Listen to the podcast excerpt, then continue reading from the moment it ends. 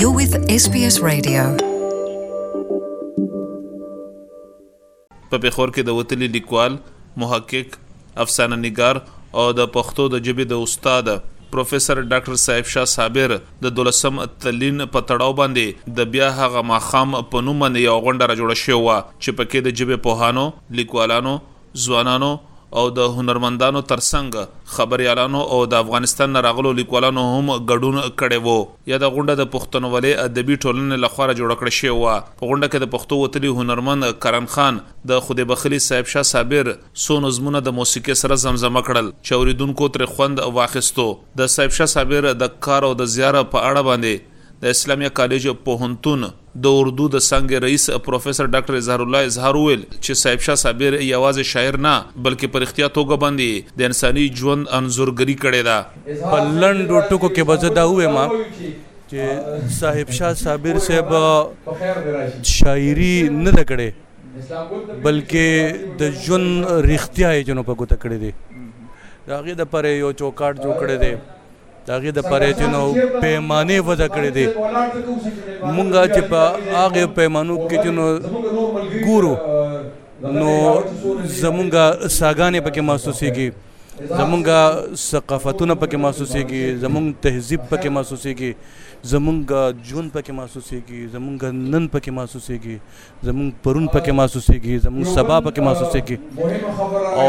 یو شاعر چې په دې ټولو سيزونو باندې په دې معروضي حقیقتونو باندې نظر وي او دا هر څه قام تسپاري نو هغه د شاعر نه لوی چې نو کرداري لکه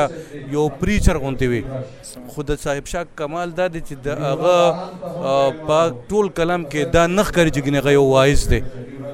هغه د یو فنکار په حیثیت باندې د یو تخلیق کار په حیثیت باندې چې موږ ته مخه ته راځي او شاعر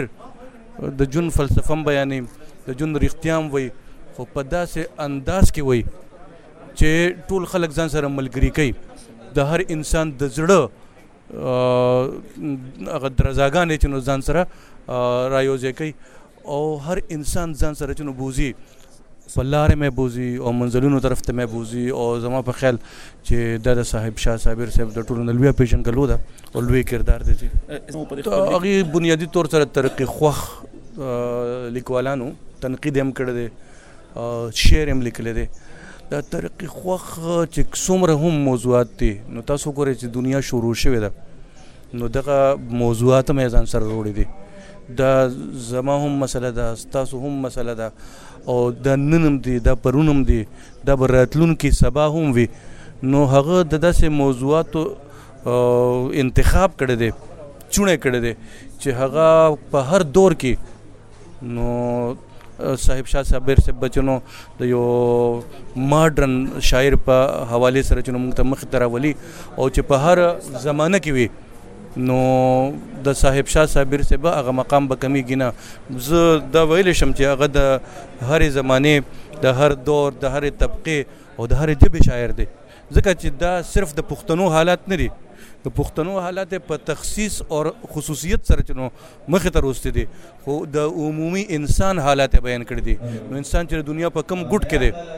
نو هغه د پر د صاحب شاه صابر صاحب دا پیغام دی او کدا ترجمه شي نو باب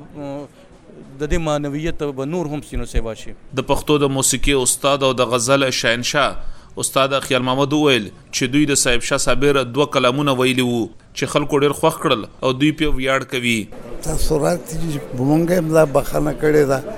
چې د هغه مې یو دوه غزله ویلي دي او ډېر په خپل شوق د زړه نه لکه وریځې راوله باران راوله دا شعر دا هغه غزل دی که نه چې سپرلی ادا به د احسان ومنم سپرلی ادا به د احسان ومنم خو ته د ځان سره جانان راوله او زلفو له څنډ ورکه طوفان راوله او بلې دا دی چې خون به مې واخلې قاتلانې به چی خون به مې واخلي قاتلانه به شي زلفې دې مستم مهورانې به شي د پېښور پوهنتون د پښتو د څنګه استاد ډاکټر احمد علي عاجز وویل چې صاحب شاه صابر او دوی د پی ایچ ډي هم صنفیان وو خو خدای بخښلي ډاکټر صاحب شاه صابر به په څلوریشتو ساعتو کې تلس ساعته کار کولو او د دې معنا دا ده چې دوی یوازې د ځان لپاره نه بلکې د یو بل ملګري لپاره هم د څېړنې کار سرته رسولو. زه ډېر زیات خوشحاله په دې یم چې زمونږ د پښتنو کې دغه یو روایت چې پښتانه وایي چې دی مرده پرست قوم دي زما خیال دا دی چې په پښتو ادب کې صاحب شاه صابر هغه خوش نصیب سړی او چې د په ژوند باندې چې کوم دی ډېر پروګرامي او مرکې شوی دي او په مرګ هم هغه جشن دی او مغه داسې ښکاری لکه چې صاحب شاه صابر غیر چا پیر دلته چرته ګرځي ژوندې زمونږ په څنګ کې ناس پاس دی دا یو ډیر لوی خبره ده که دیارلسم تلین دی که دولسم تلین دی خو ډیر په ګرم جوشه سره او بل خبره دا چې د پښتو ادب په لحاظ سره چې کوم دی نو هغه دونه غنی انسانو هغه پښتو ادب ته دومره زبردست شاعري ورکړې ده دومره ښکلې افسانې ورکړې دي دومره ښکلې آرټیکلې ورکړې دي چې د هغه د نثر او د نظم په لحاظ سره چې کوم دی نو شفیع شانام یو ولکو هغه پی پی ایچ ډی کړی ده دا لوی د انر خبره ده چې هغه دومره لیکل کړی دي چې پښتو نه صرف پښتو ادب غني کړو بلکې ورسره ورسره چې کوم دې ډیر طالب علمان هم غني کړ نو دا د پښتنو ډیر خوشبختی ده ډیر زیاته خوشبختی ده چې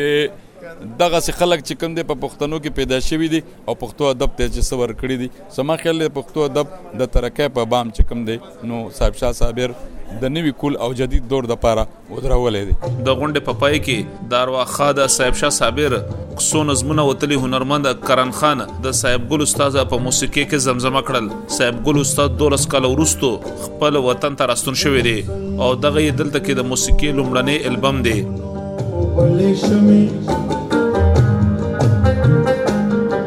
د ورونو د خایست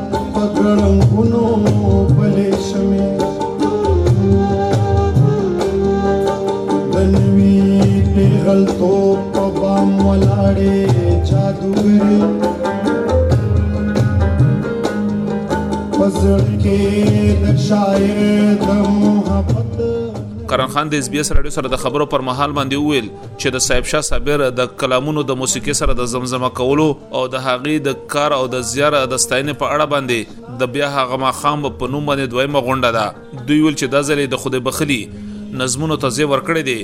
او د 1200 نه واخله تر 1400 د دکو پورې یو نظم او غدوالي لري د دې تک چې دغه ټوله موسیقي په ډیر لند وخت کې یعنی یوازې په درې ورځو کې را جوړ کړي دا خودي هلمندي چې ډیر زربه اوریدونکو د دغه البوم څخه خوند واخلي صاحب شاه صابر په 1955 کې د ملکړنه په سخاکوټ سیمه کې زیږیدلی وو لومړی زده کړې د کلینا او به تر 14 سم ټولګي پورې د مردان او دغه شانتي بیا د پیښور په هنتون د پښتو په ادبیاتو او سیاسي علومو کې د ماستري ډیګري ترلاسه کړې وروسته بیا د پښتو په ادبیاتو کې د تنقید په برخه کې د پی ایچ ډي سړنې تر سره کړې په 2001 کال کې